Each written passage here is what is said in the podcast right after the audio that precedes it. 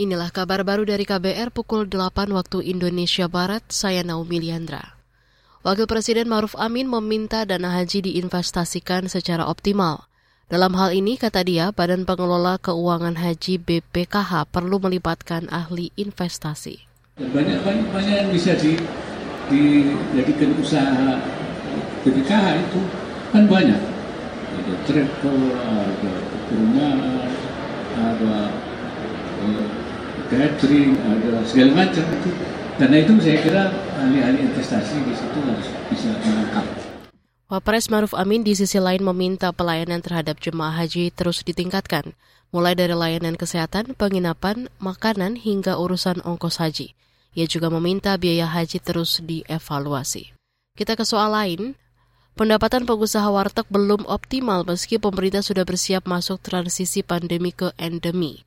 Ketua Komunitas Warteg Nusantara Kowantara Mukroni mengatakan, daya beli masyarakat masih rendah karena terdampak pandemi serta kenaikan harga komoditas seperti beras dan minyak goreng. Yang menjadi kekhawatiran kita ketika kita mendapatkan uh, penjualan hari ini terus tidak bisa membeli bahan. Karena tadi ada kenaikan. Itu yang kami khawatirkan kan berarti kan rugi mas itu kan oleh karena itu tadi e, pemerintah stabilitas harga itu penting supaya kita tadi bisa berusaha sehingga apa yang dapat kita hari ini bisa kita beli bahan-bahan untuk esok hari gitu kan. Jangan sampai hari ini kita dapat uang tapi besok kita nggak bisa dapat barang. Sebelumnya pemerintah tengah merancang strategi dari pandemi ke endemi tahun ini.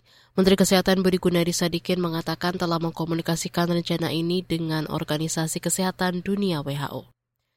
Beralih ke informasi mancanegara, dua WNI korban meninggal dunia akibat gempa Turki akan dipulangkan Rabu 22 Februari besok. Hal itu disampaikan Duta Besar RI untuk Turki.